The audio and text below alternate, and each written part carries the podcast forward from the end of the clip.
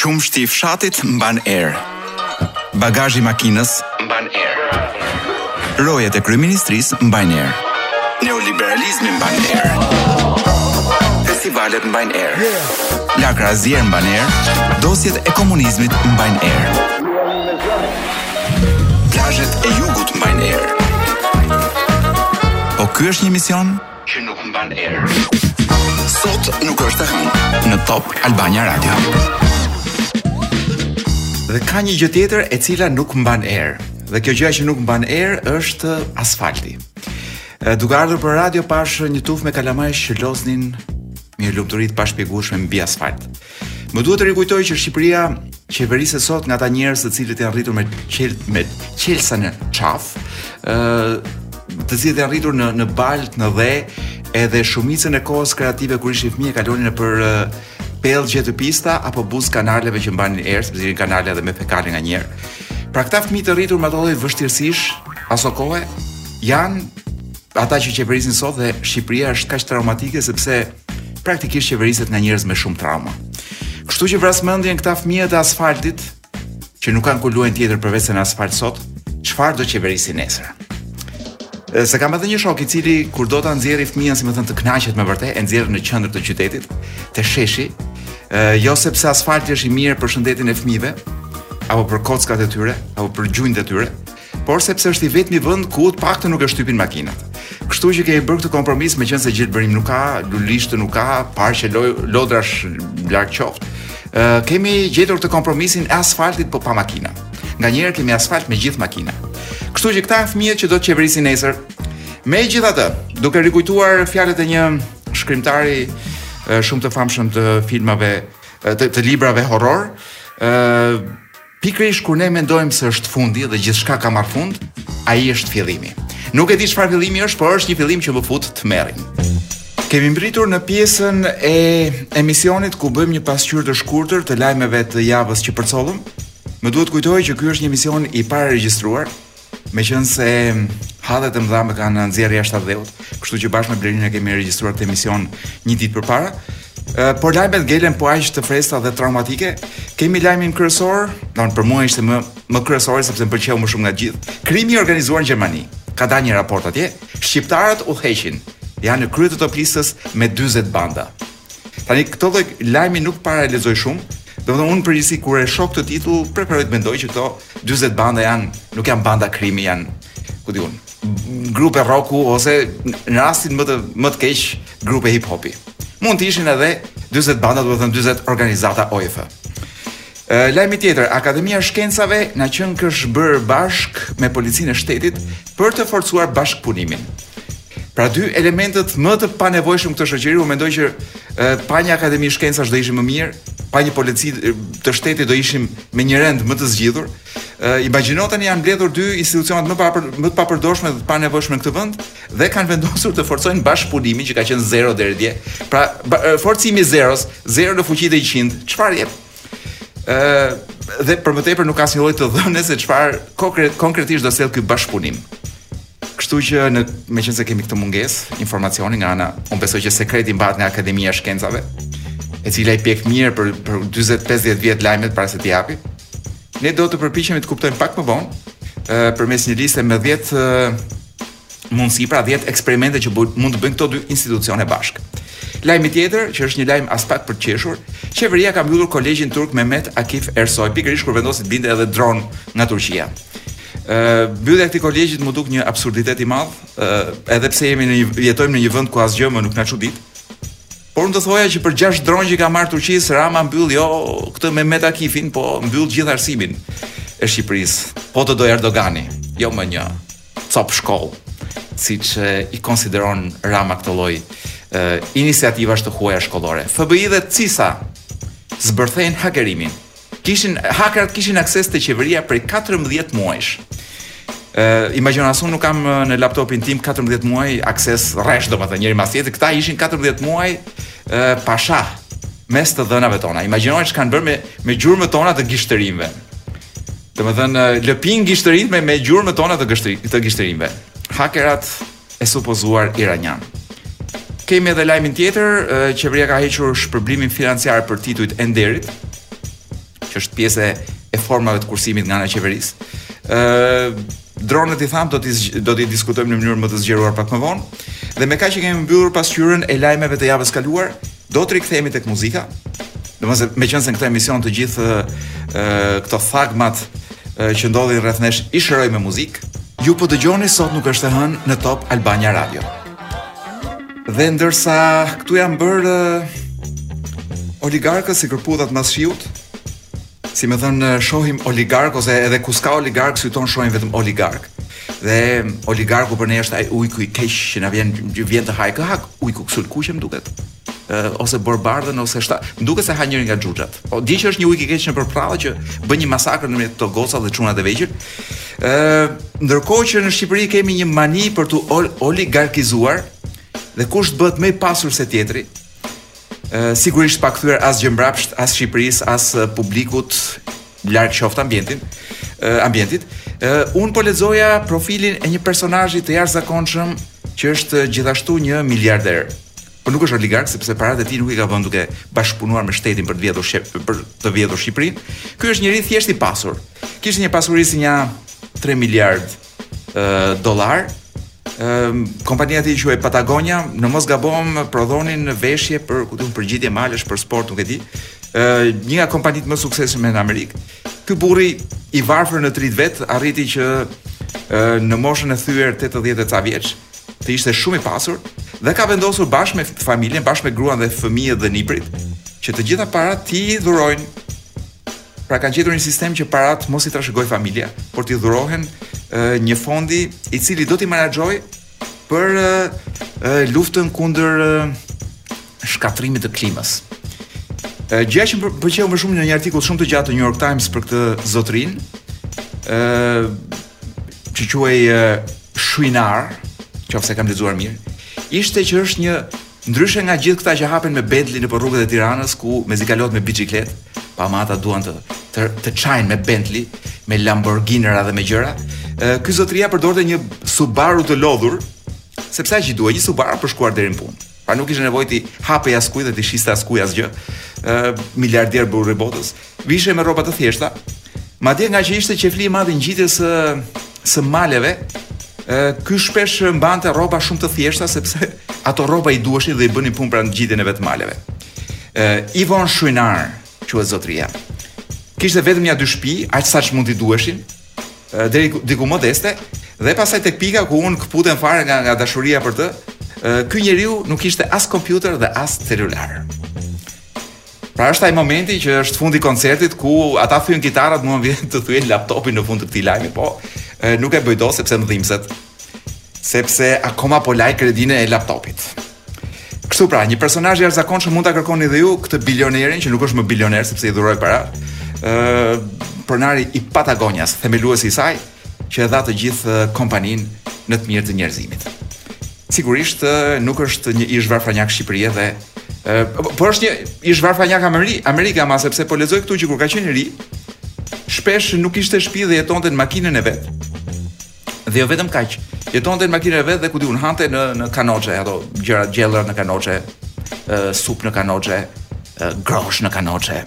Pra një njeri i jashtëzakonshëm, ç't'ju them. Kanoçja, Subaru dhe 3 miliardë dollarë të dhëna, të gjitha brenda një njeriu të vetëm, që s'ka celular as laptop. Ikim nga ky zotria.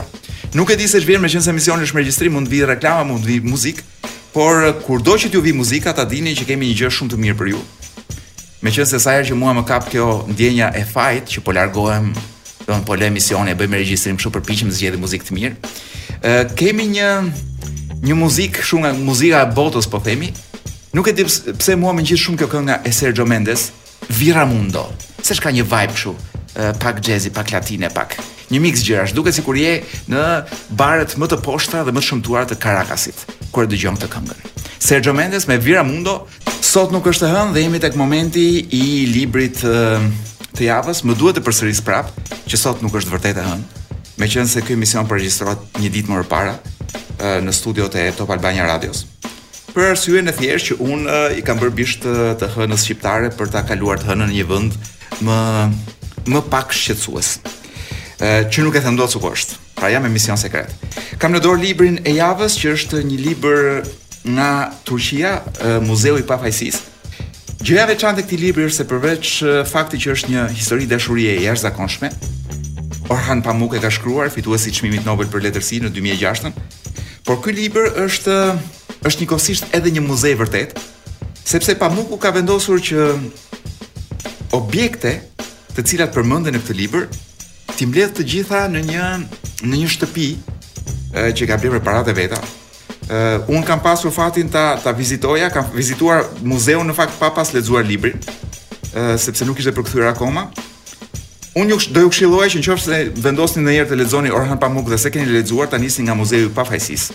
Dhe pastaj të vizitoni dhe muzeun sepse është mbasi e ke lexuar librin, Të kapin lotët aty kur futesh në muze. Çfarë kemi tjetër këtu për të thënë? Po, është përkthyer nga origjinali turqisht. Unë mendoj që është një përkthim shumë i mirë nga zonja Drita Çetaku Turdiu. Botuar nga Skanderbeg Books, që mos gabohem ka të drejtat e Orhan Pamukut. Libri që unë kam në dorë është një botim i vjetër i 2008-s, por ju mund të gjeni diçka edhe më të re.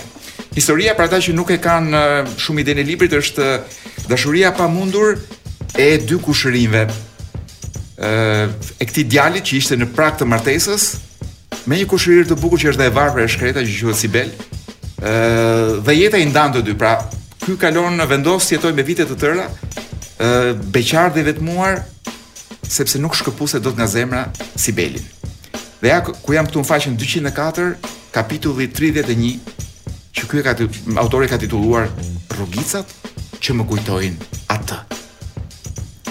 Nëse nuk do të përpiqesha ta fshija nga kujtesa, e dija fort mirë se jeta ime nuk do të vazhdonte më si më parë. Madje edhe punonjësve më të shkujdesur të Satsatit i kishin rënë në sy retë e zymta të trishtimit që kishin mbuluar pronarin e tyre. Meqenëse ky është dhe një pronar i një një firme më duket dysheqesh apo jastëqesh apo ku di unë rresash. Mamaja, e cila dyshonte për ndonjë problem midis meje dhe Sibelit, përpiqej të më kandiste me pyetje ndërsa gjatë darkave të përbashkëta, që bëheshin gjithnjë më të rralla, ma tërhiqte vëmendjen, njëlloj si babait, që të mos e teproja me pije.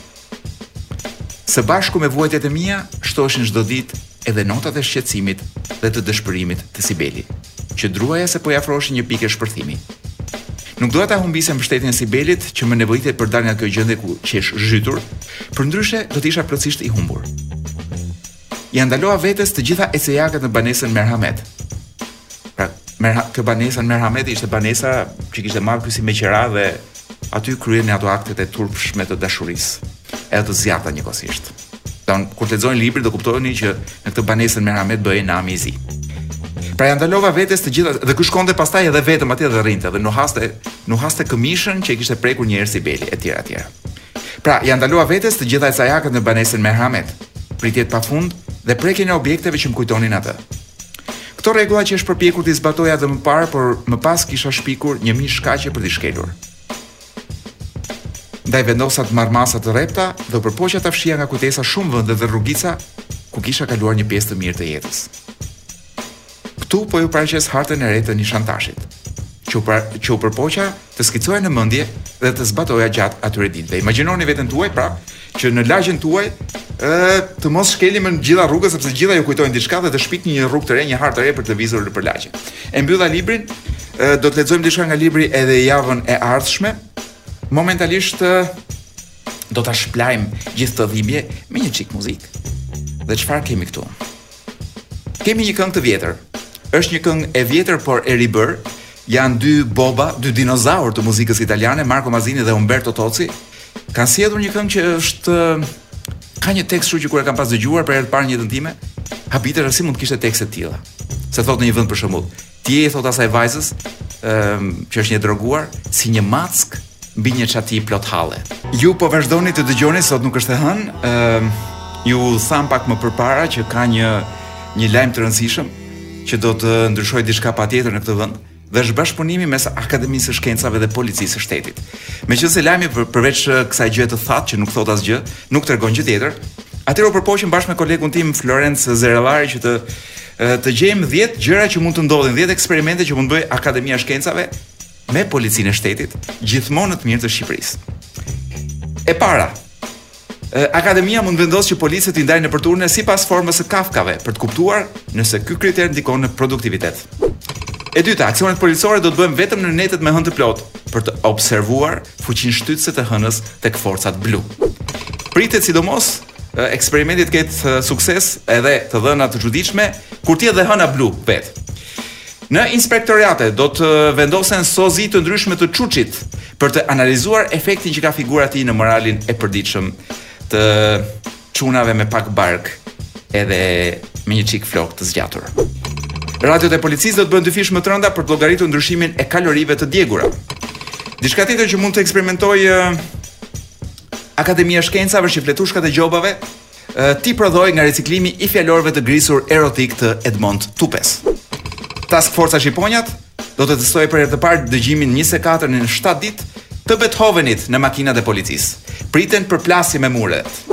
Gjithmonë e makinave të policisë.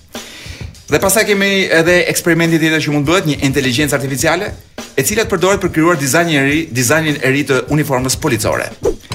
Ë sigurisht në këtë rast Akademia e Shkencave që është komplet pa fonde, me siguri do të paguajë me Bitcoin. Oficerëve me diabet do t'u lexohet Republika e Platonit në vend të injektimit të insulinës si mjekim alternativ, Dhe pastaj nëpër protesta mund të sugjerohet që policia të përdorë për herë të parë gazin që të detyron të marrësh mamin në telefon dhe t'i kërkosh falje për gabimet. Dhe për ta mbyllur, ë diçka tjetër që Akademia e Shkencave mund mund të eksperimentojë me policinë e shtetit është që përveç qenve antidroga të pajiset edhe me milingona drogëndjellëse. Kaq për sa i përket 10 Fakt lexova 11 uh, pikave të mundshme të bashkëpunimit mes uh, dy institucioneve fare të panevojshme si Akademia e Shkencave dhe Policia e Shtetit. Sot nuk është e hënë dhe në studio na ka mbërritur Blerina me një ditë. Mirë se ju gjej. avans. Mirë se erdhe. Kolo, um, jam shumë e frymëzuar, jam ndjehem shumë mirë përkundër të gjithë zërave të njerëzve që thonë ky është një vend që nuk jetohet, do ikim në Belgjikë. Është një mister pse e thonë këtë gjë. Është Unë nuk e kuptoj fare, unë mbas këtyre lajmeve të ditëve të fundit, asaj që dëgjova pak më përpara të bashkëpunimit të jashtëzakonshëm të policisë së shtetit me Akademinë e Shkencave dhe akoma më tej. Pas vendimit që ka marrë qeveria shqiptare për të blerë 6 dronë të fjala e fundit e teknologjisë unë ndjehem si kaq e mbrojtur. Si mund ta shash më qeverinë mbas këtij lajmi? Po nuk e di. Ata të sjellin gjashtë dronë të blerë me gërdëng lek në dorë. Po e di sa shumë më. Kur gjithë bota punon me borxhe domethënë. Kur Amerika vetë t'i jep lekët mas 5 vjetësh, po- neve blejmë me lek në dorë në mes të krizës. 8 milion euro. 8 milion euro. Sa sa janë 8 milion euro? O kur, çfarë mund të blemë? 8 milion euro, mendoj unë që janë shumë, unë nuk arrij të numëroj shumë Blerina, domethënë... Po pra edhe unë. Shqipëria s'na ka dhënë mundësinë kurrë të numërojmë aq. Deri në, në një milion. po nisëm, duket shumë. është edhe mua më duket shumë. Dhe mbi të gjitha, uh, kam frikë që do, i pari që do lozë me dronët është kryeministri. po dëgjo, Po çfarë si do të na shërbejnë ata se unë vetvetiu ndjehem më e sigurt, po nuk e kuptoj tamam tamam se çfarë si do të funksionojnë. Domethënë Pra një shtet i cili ka 14 muaj uh -huh. që e kanë penetruar hakerat iranianë dhe e kanë bërë qilizët nga ana elektronike befas vendos të na ruajë nga ajri. Po dëgjo, unë kam ca uh, halle më Bazike më. Edhe unë kam, nganjëherë më humbet macja. po, do u drejtohem dronëve. Po, mund ta gjejmë me dron, GPS. Po për shembull, kam një problem shumë të madh me ca uh, qytetarë dhe qytetare që festojnë ditëlindjen në orën 12 natës çdo natë dhe hedhin fishekzjarre pafund. Do të na ndihmojnë dronët. Këta nuk janë qytetarë, këta janë Me sa kam kuptuar, unë këta janë punonjës të bashkisë. Edhe unë kështu mendoj Kolo. Po, unë po mendoj që janë punonjës të bashkisë që e kanë kuptuar që morali i këtyre njerëzve është është dhe qytet i keq dhe i poshtër. Që edhe të shajnë pas kafe, çfarë thonë për ty domethënë U bie edhe morali që ngeli Shqipëria. E kanë vendosur të mund të kenë dhe stoqe domethënë bashkia që nuk ka ku t'i çojë domethënë dhe ka vendosur që në çdo lagje të Tiranës në orën 12 të shpërthejnë fishekzjarre dhe shpërthen gjithmonë nga njëjti vend. Ka net që unë këputem në divan, edhe shof orën 11:25, hë them edhe pak, prit dhe pak. Po këputem, më mbyllen sytë. Po vdes për gjumë. Vetëm kur shpërthen ai. Jo, pres të shpërthen ato në 12 të natës, shkoj në krevat dhe fle gjumë. Si njeri ora. Bën shumë mirë sepse ne tentuam të flemë familjarisht një herë dhe shpërthimet e fishekzjarreve na ngritën zemrën, na bënë zemrën. Çfarë gëzimi. Po, në një vend ku me sa di unë fishekzjarret nuk lejohen me ligj. Jo, nuk. Po këta njerëz që ne supozojmë që janë njerëz të stimuluar mm -hmm. nga mhm. gëzimi që vlon brenda institucionit të bashkisë, duan të shpërndajnë gëzimin e tyre edhe tek ne. Prandaj unë jam sot më entuziaste se kurrë. Meqenëse më trembin dhe macet uh -huh. dhe u rënd në macet e tyre. Ore mbajnë pra, erë fishekzjarrët. Pra, macet e tyre. Mbajnë erë fishekzjarrët.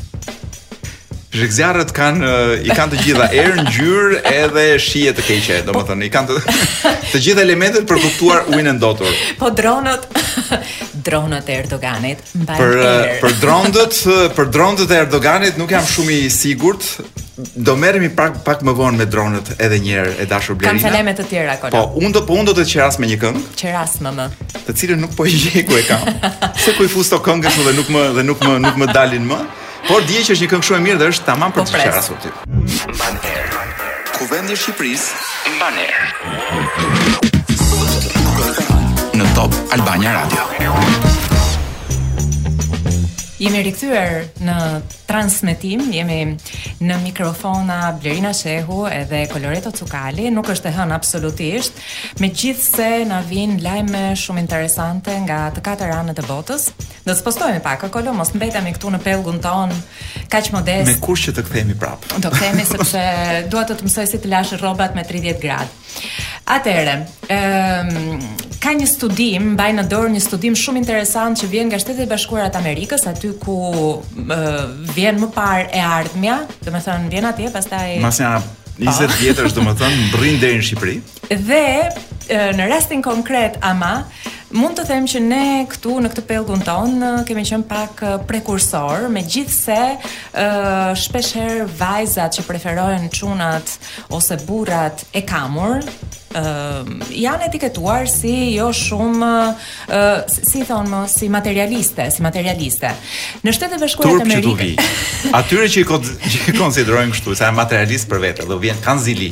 Ndoshta këtu fshihen um, le të themi motive të tjera që vlen të studiohen edhe në vendin tonë, po në Shtetet e Bashkuara të Amerikës kanë vënë re studiuesit, pasi kanë bërë një uh, listë me uh, kritere që femrat parapëlqejnë tek meshkujt, kanë vënë re se Ndër to, më i vlerësuari për të arritur kënaqësinë në një organ, thon ata, po ne kuptojmë të gjithë se për çfarë bëhet fjalë. Po gjithë në fakt ata që janë vërtet të pasur i mbajnë paratë në dyshek.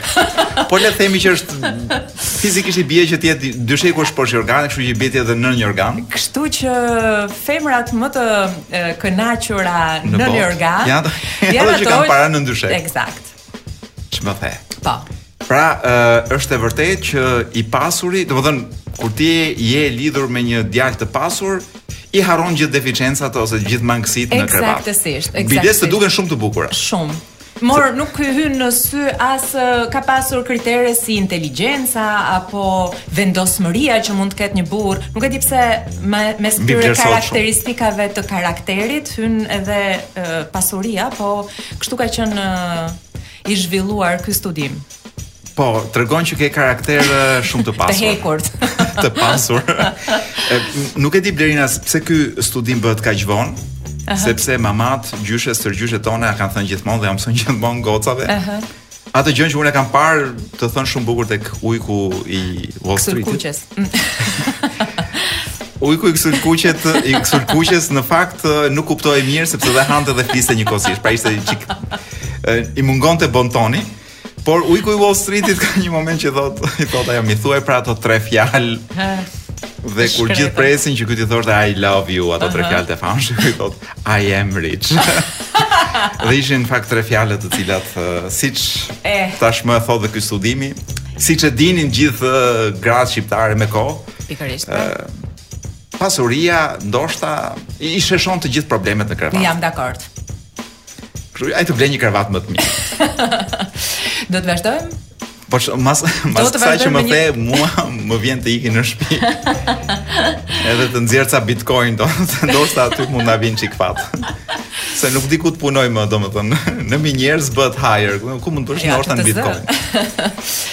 Por mund të thuash më godit me gjëra të tjera të rënda. Çfarë ke? Meqense ishim tek fjalët e urta dhe fjalët e urta të gjysheve, mbaj mend që gjyshja ime të paktën kur donte të masakronte dikë në ekran kryesisht, i thoshte u bëfsh ashtu që s'thuhet, edhe të hëngshin pulat.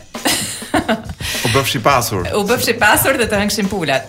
Nejse tani Kolo vjen uh, një tjetër lajm shumë interesant, do të aktualizohet pas 4 vjetësh, por janë duke hedhur bazat për ta bërë të ligjshëm ëm um, kthimin e trupit të njeriut pas vdekjes në humus për të fertilizuar terrene që më duket gjëja më normale në botë. Po.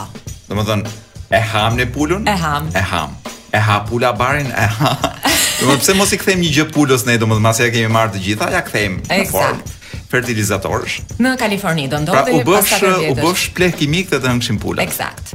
Pak a shumë, më pëlqen shumë kjo. Edhe Nuk e di pse vonojnë 4 vjet deri. Jo, epo sepse duhet të fillosh të mësohesh pak me idenë që do të të hanë pulat. Po do, jo vetëm do të hanë pulat, po unë dua të ha pulën që ka ngrënë Kristaqin, për shembull. Kush është Kristaqi? Po është një që e kam pasur qejf. Që ishte. Edhe dua ta kem Kristaqin brenda vetes. Sepse thonë që ti merr diçka dhe nga Siç merr diçka nga pula, pula ka marrë diçka nga Kristaqi, pra qarkullohet edhe edhe dija, edhe energjia pozitive, gjitha qarkullohen. Ah. Tjetër gjë të bukur kemi, qenke plot me lajme të mira sot. Nëse do mund të bëjmë një pauzë, po nëse jo mund të them që mund të mbaj edhe pak. Në Spanjë, një djalë i vogël, foshnjë, mo foshnjë fare, ka spiunuar babain. Imagjino, imagjino atë që e ka rritur aq po ky, të vogël sa ishte. E spiunoi mo. Babi tani si ishte puna. Ishin në makinë. Ishte babai i ndarë nga gruaja, e kishte marrë djalin, kishte ditët që duhet ta mbante ai. Mirpo A, ishin dy prindër të ndarë. Dy prindër të ndarë, po dhe po. babai kishte radhën të mbante djalin dhe papritur në orën 8 të darkës e zuri një dëshirë e papërmbajtshme, epsh, epsh seksual.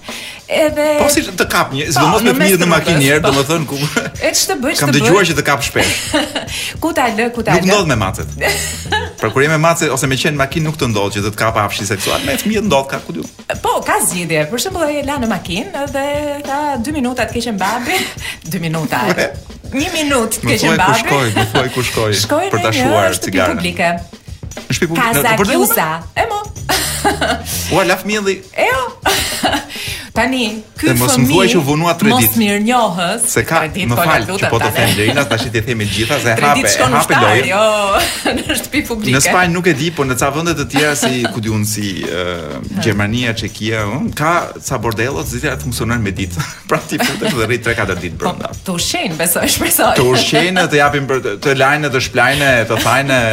E po ja se erdhi. të kesh uh, shpirtin e pasur. dhe të pastër. Dhe çfarë ndodhi me djalin? Dhe me... djalin e gjejnë uh, policët dhe e pyesin të keqen xhaxhi, si është puna, pse je vetëm. Po shofi Erik sa makinë. Po babi dhe ai e bëri me gisht andej. Andej edhe Dhe policia kuptoi që gishti. Ndërkohë morën targën, morën mamën e tij në telefon, erdhi mamaja, mori djalin. Babai doli nga penxher, nga nga dalja e sigurisë.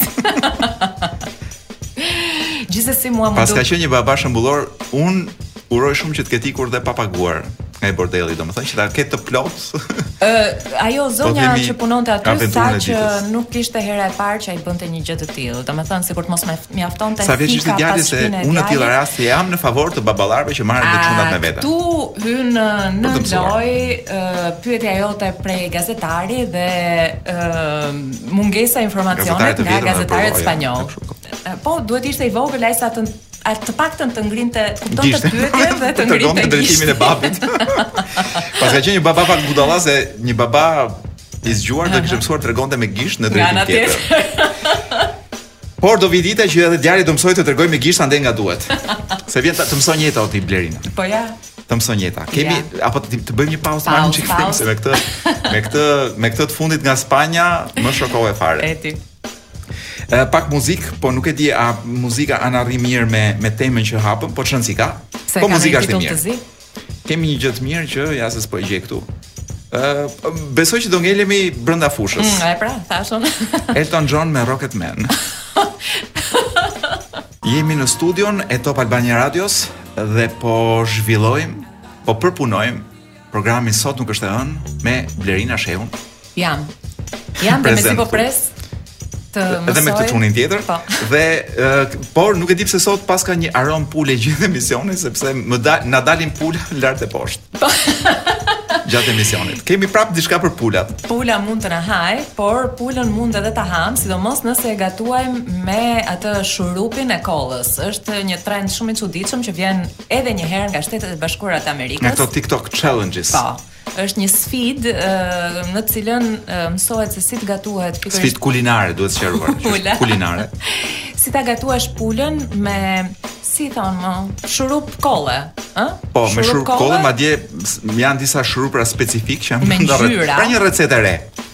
E bukura është që uh, ato mund të jenë edhe shumë të dëmshëm për shëndetin, por nëse nuk janë, nuk do të nëse nuk do të ishin, çfarë sfide do të ishte për TikTokun, i cili deri tani ka marr uh, jet dhjetra jet njerëzish me sfidat e tij nga më të çuditshme. Dhe po të mos vdisnin njerëz nga TikToku, ça do ishte TikToku pastaj? Ça vlerë do kishte në këtë botë? Ti do është jo, kjo sfida se un kam maninë për t'iu shmangur të gjithë këtyre sfidave, mm. challenges që i thonë mm -hmm. Kështu që më oriento mirë që të di ça t'mos bëj. Atëherë nuk ça t'mos i bëj pulës unë. Nuk duhet marrësh një pul, po ti nuk e merr gjë ti tu. Po, kam qelluar që i dua shumë pula dhe nuk i ha kurrë. Po. po ata që e, janë mësuar të marrin një pul, ta presin feta feta edhe ta gatuajnë me birr për shembull ose me lëngje të tjera. Me një gjysmë gote verë të bardhë. Nuk duhet në asnjë mënyrë të marrin një shurup, ata njerëzit do thonë ore pse duhet ta bëjmë? Ça budallëku është ky? Buda, jo, sfida është kjo që ti gatuan këtë pulën me shurupin e kollës. Edhe pastaj e ha. Ajo merr një ngjyrë jeshile, duket jeshile. Pa. Po. Dhe puna është ta hash duke u xhiruar për TikTok ose t'ia japësh dikujt ta haj duke u xhiruar për TikTok, apo jo? Eksakt. Pra ti nuk duhet ta hash dhe sikur të ta ofrojnë. Ti që po na dëgjon nga radio. po, do vi dita që do ta japin atë pulën. Mos e ha. Mos e ha sepse këto pulat janë Dhe këtu duhet të thënë diçka shumë e rëndësishme dhe shumë seriozisht. Tani kush është që të bën keq? Pula apo Këta thonë që shurupi, këto shurupet ë në sasi të mëdha dhe sidomos kur gatuhen, kur zihen, mhm. pra gjithë elementët e tyre që janë elementët kimikë, përqendrohen, forcohen dhe mund të jenë shumë të dëmshëm për shëndetin. Shkruan. Kjo nuk i ka penguar gjithë amerikanët se kjo është, me sa kam kuptuar trendi më i rëndësishëm në Amerikë i TikTokut për momentin. Po. Mhm. Mm Pra kjo pula si si, si quhet sleeping chicken apo nuk e di çfarë. Po, po, po, pula që fle. Një pulë që fle me elegancë nuk kanë përdorur termin pula e ngordhur ose pula e vdekur ose vdeksh nga pula, po thonë sleeping. Pra një pulë që fle. Aha. Pra një trend Blerina që mjeku na këshillon të mos e Absolutisht jo. Po ta vësh re tek shishet e shurupit të kollës, Kolo? Po. Po, mos shkruan. Të mos shoqërohet me pulë. Të mos i jepet pulës. Jo, shkruan që të mos zgjatet përdorimi i tij për kaq e aq ditë. Pra, shurupi është i keq edhe thjesht duke u pirë më shumë se ç'duhet nga shishja e tij. Imagjino po ta kalosh në temperatura të larta, ta gatuash me pulën. Dhe kjo receta kërkon jo më një lugë siç pihet shurupi zakonisht, por kjo receta është që ta mbysësh me gjysmë shishe domethënë atë pulën e shkretë, derisa ta ta jeshilosësh. Kam përshtypjen që dikush po bëhet shumë kurioz për momentin, për kaq shumë sa e, e folëm dhe kaq gjatë sa e thamë. Mos e bëj. Pra, mos mirë që i vrisni pulat, po i bëni edhe jeshile, don. Ju a dhënd ke vezët tua jam. Do ato që bëni juve vezëve të pulave. Ë, uh, Lena si ta shpëlaj me pak muzikë këtë këtë gjë që më the. Këtë trendin jeshil. Uh -huh. Sepse sepse më erdhi një si sëkëlldi kur e the. Po pastaj do flasim për një gjë shumë të rëndësishme. Unë dua ta di titullin se çoku na kombinohet me diskutimin. Po kemi një Vinicio Capossela ah. një.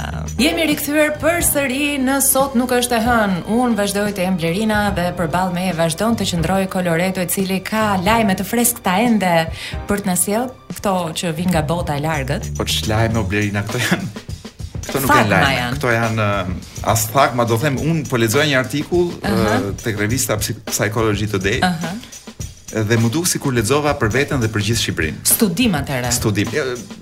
Më shumë se studim ishte një një temë mm -hmm. uh, nga një nga këto gratë me PhD-ra mm -hmm, me mm -hmm. me disa PhD-ra mm -hmm. uh, me libra të botuar e cila mm -hmm. shpjegonte se si të zbulosh shenjat e vetë sabotimit në jetën tënde. Oh, më pëlqen. Sa dëgjova fjalën vetë sabotim, thash, po ne jemi një komb i vetë sabotushëm. Jam dakord. Që vetë sabotohemi gjithë kohën. Hajde njëherë. Ëm ehm, dhe me sa kuptoj unë, ne i kemi pasur që të vegjël. Mhm. Mm të gjitha shenjat. Mhm. Mm pse jemi kaq sabotatorë ndaj mhm. vetes? Mm -hmm. Dhe ky vetë sabotimi na na paska si fenomen, domethënë si sjellje psikologjike, Ëm që nga dhe i vështirë për t'u kapërcyer një herë.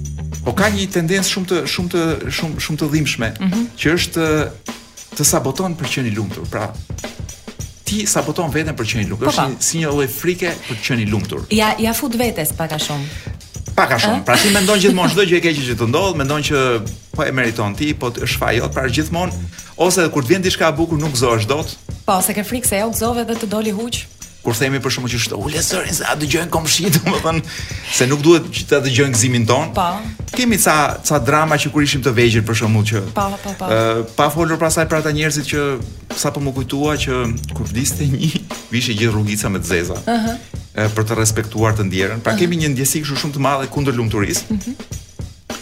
Ë dhe në thelb Ky self sabotimi, ky vetë sabotimi është frikë nga lumturia. E dashur Blerina. Dhe mund të shfaqet në disa në disa lloj formash. Ë një nga formatë për shembull ose zonat ku ku, mm -hmm. ku mhm. shfaqet ky mm -hmm. vetë sabotimi është tek shëndeti. Mm -hmm. Që është fizik edhe fizik edhe mendor. Që ti për shembull nuk ha ose ha ha me shumicë. Ose nuk do të ose nuk nuk do të edhe kur e ndjen që nuk je shumë mirë, prap nuk pranon të shërohesh, nuk pranon të vizitohesh, nuk pranon të mjekohesh. Ah. Ë ke një dietë, po të gjitha këto shkokan në fëmijëri. E kuptoj. Pra të gjitha këto qenkan trauma të fëmijërisë, të cilat ne i mbartim gjatë gjithë kohës me veten tonë. Ëh. Ëh. Dhe është ndoshta edhe nuk shkojmë te mjeku se ne nuk besojmë që e meritojmë që të shërohemi. Të shërohemi, po, ose nuk dhe, besojmë te mjeku, po kjo është një tjetër model. Dhe nuk, jo, nuk besojmë te mjeku se në fakt jemi rritur me idenë që askush s'ka ç'na bën, ne jemi si si shtaj u pula, pra jemi po. jemi pleh kimik për pulat, ashtu, për të ushqyer pulat. Kështu që nuk meritojmë as shërohemi, s'ka kush na shëron, uh -huh. është kjo ndjesi që kanë njerëzit. Ëh, dhe është diçka tjetër që s'di a ke vënë re edhe ndër shokë e shoqet tona. Uh mhm. -huh. ë ka nganjëherë një kështu një ndjesi mërzie. E njerëz që mërziten shumë shpejt. Mhm. Mm po e kam vënë re, kam vënë re. ë Mërzia që është pastaj njerëz që acarohen menjëherë që kalojnë në pasivitet ku di unë se çka mm -hmm. sa mhm. gjëra, të gjitha këto janë forma, të cilat edhe këto janë trauma, është mhm. mënyra se si ne mërzia jonë, uh mhm. -huh. në fakt fsheh një traumë që kemi diku. Tani këto shërohen? Këto shërohen, por ne nuk duam. Ne nuk duam. Të shërohemi. Do kjo është ideja që kur ti vetë sabotohesh, uh -huh. do thotë që ti nuk pranon as të uh -huh. shkosh te psikiatri, as te psikanalisti, uh -huh. as marrësh terapi sepse thell thell ti sikur i thua vetes që unë e meritoj këtë gjë. Ose gjë tjetër, për shembull një formë tjetër që është të zgjedhësh njerëz toksik. Unë për shembull vet dikur kisha tendencën që të gjeja njerëz toksik për të ndenjur me ta. Me vuajtje. me vuajtje dhe është mënyra se si ti kërkon të keqen me zor. Shmangi këta njerëz që të krijojnë. Pra njerëz shmangi nga jeta jote. Mhm. Ëm mm -hmm. Dhe në the, në në thelb është një gjë që ne e kemi pasur ndoshta nuk e di kur o në shkollë, mm -hmm. o n' mhm. familje, o n' lagje, mm -hmm. na mhm. kanë futur këtë tendencë që ti nuk vlen për asgjë. Në pra shkollë po vlen. Dhe nga që jemi rritur me këtë gjë dhe shkojmë pikërisht ke gjëra që na bëjnë keq. Dhe ky është vetë sabotimi, e thënë me fjalë, siç e peti shumë të thjeshta. Shumë të thjeshta, por shumë të vërteta, edhe që secili nga ne mund t'i vërtetojë lehtësisht në jetën e tij të përditshme. Por nëse po, kuptoni, po hapni listën e telefon e 10 telefonatave të fundit. Dhe të shihni sa njerëz me vuajtje keni zgjedhur të mbani pranë vetes. Ashtu të. E mos i merrni më, fshini numrin. Kështu që kërkoni pak ndihmë, qoftë se nuk ia dilni dot ta ndihmoni veten, kërkoni ndihmë. Jo tek neve. Shumë jo, e rëndësishme. Jo, Kërkoni ndihmë profesionale diku tjetër. Do ta shpëlajmë edhe këtë me një çik muzikë. Ha një tjetër. E dash, po kemi kemi një gjë. Kjo është nuk po ta them. Është pak zhurmë, por një zhurmë shumë e bukur. Nuk po e dëgjoj. Lerina jemi drejt fundit të kësaj mbrëmjeje, nuk e di se si do ti ta mbyllësh, por uh, un preferoj që ne Unë do ta mbyll duke ikur. Por përpara se të ikim, unë dua që të lëm një shenjë, një gjurmë që nuk e kemi lënë deri tani. Me sa tham, me të, të gjitha. Të thyejmë ca nga këto disqe të radios ka kohë që e mendoj. Ka ka diçka edhe më të rëndë se aq. Është për shembull një frazë nga këto të poetëve të Instagramit që un Po që ti i ndjek me ndjek, po me kërshëri. Jo, dhe jo vetëm me kërshëri, po ti i ndjek kështu gati gati në mënyrë obsesive. Po, tani ë Kush është ky poet? Na na na jo emrin mos ma thuaj po. Ta them se nuk dua të bëhet i famshëm. Po më emociono me ndonjë Pra më mëso diçka nga jeta. Filozofi, do të të është Apo dashuri, edhe me dashuri pra. Filozofi e pastër, kjo që do të them tani. Për një çast harrohet një jetë, por për një jetë nuk harrohet Një çast. Ta këto sofizmat kështu tashmë janë kthyer në poezi. Aha. Po unë nuk e kuptoj. Domethënë për një çast harrohet një jetë. Kur ti hyre unë dola. Por sapo unë dola ti hyre. Pra ka gjë më A ka gjë më filozofike se kjo? Nuk e di se si mund ta harrosh. Kjo dihotomia kështu. Një çast për një jetë. Se një jetë për një çast e kuptoj, për një çast për një jetë. Rëndësi ka që janë fjalë të bukura. Po, fjala çast është fjalë e bukur. E, pikërisht. Fjala jetë na mbush me pa. Po. me çaste. Dhe për të thënë lamtumirë edhe për këtë javë, ë do të të thoja Kolo. Do i përplasësh makinën me këtë që po u thua. Thotë ky ruajuni. Të dua për durimin tënd, të merresh me mua është çmenduri. A mund të di kujt ia thotë këtë? Se mund t'ia thotë dhe mamasë. mund t'ia thotë edhe shokut të bankës. Që në këtë postim kam bërë like uh, 11421 njerëz. Dhe A kemi listën? Ne A mund ta lexojmë listën e gjithë këtyre njerëzve që kanë bërë like në këtë postim? Ne jemi ata. Duhen ndaluar të hyjnë në çdo librari. Pra lista e këtyre duhet të afishuar në një librari, jo, ndalohet hyrja. Se ky thotë të dua për durimin tënd të merresh me mua është çmenduri dhe ne jemi njëmbëdhjetë mijë e katërqind e njëzet e tre tashmë bashkë me ne të dy që merremi me këtë. Më lejo të them që është një nga frazat më banale që kam dëgjuar në një. Është. Por kisha kohë që s'dëgjoja diçka një mendim, don kaq kur them kaq të sërthën, don ai po është është banal për faktin që mund të jetë thënë një miliarda herë, në forma okay. të ndryshme. Pastaj ne nuk do merremi me këtë më herën tjetër. Dhe unë them që te pulat. Do të të javën tjetër të zbulojmë diçka tjetër, ndonjë poet të ri. Natën e mirë dhe mirudëgjofshim. Në të njëjtën radio, në të njëjtat valë. Top Albania Radio, Apo 100 një gjë. E një ta. Shef, e shef si lindin poezitë e bukura Blerina. Në të njëjtën radio, në të njëjtat valë. Bukur. Në të njëjtën ditë, në të njëjtën ditë, në të njëjtën orë. Ç'të them? Jo, shkruaj, dita nuk është e hënë asnjëherë. Status me urgjencë, me urgjencë, me urgjencë. A do largohemi me, po jo, duke lënë një një një edhe një gjurmë po. të fortë muzikore. Do largohemi duke ju lënë Se kam dëgjuar që ka një ka fansa të mëdhenj të ACDC-ve që dëgjojnë apo kënaqen vetëm me një këngë të tyre, jo. Ne do t'ju lëshojmë një këngë nga ACDC që juve ndoshta nuk e keni dëgjuar dhe ndoshta nuk ju pëlqen. Aty pra merreni se e meritoni. Jailbreak në Top Albania Radio. Puc puc.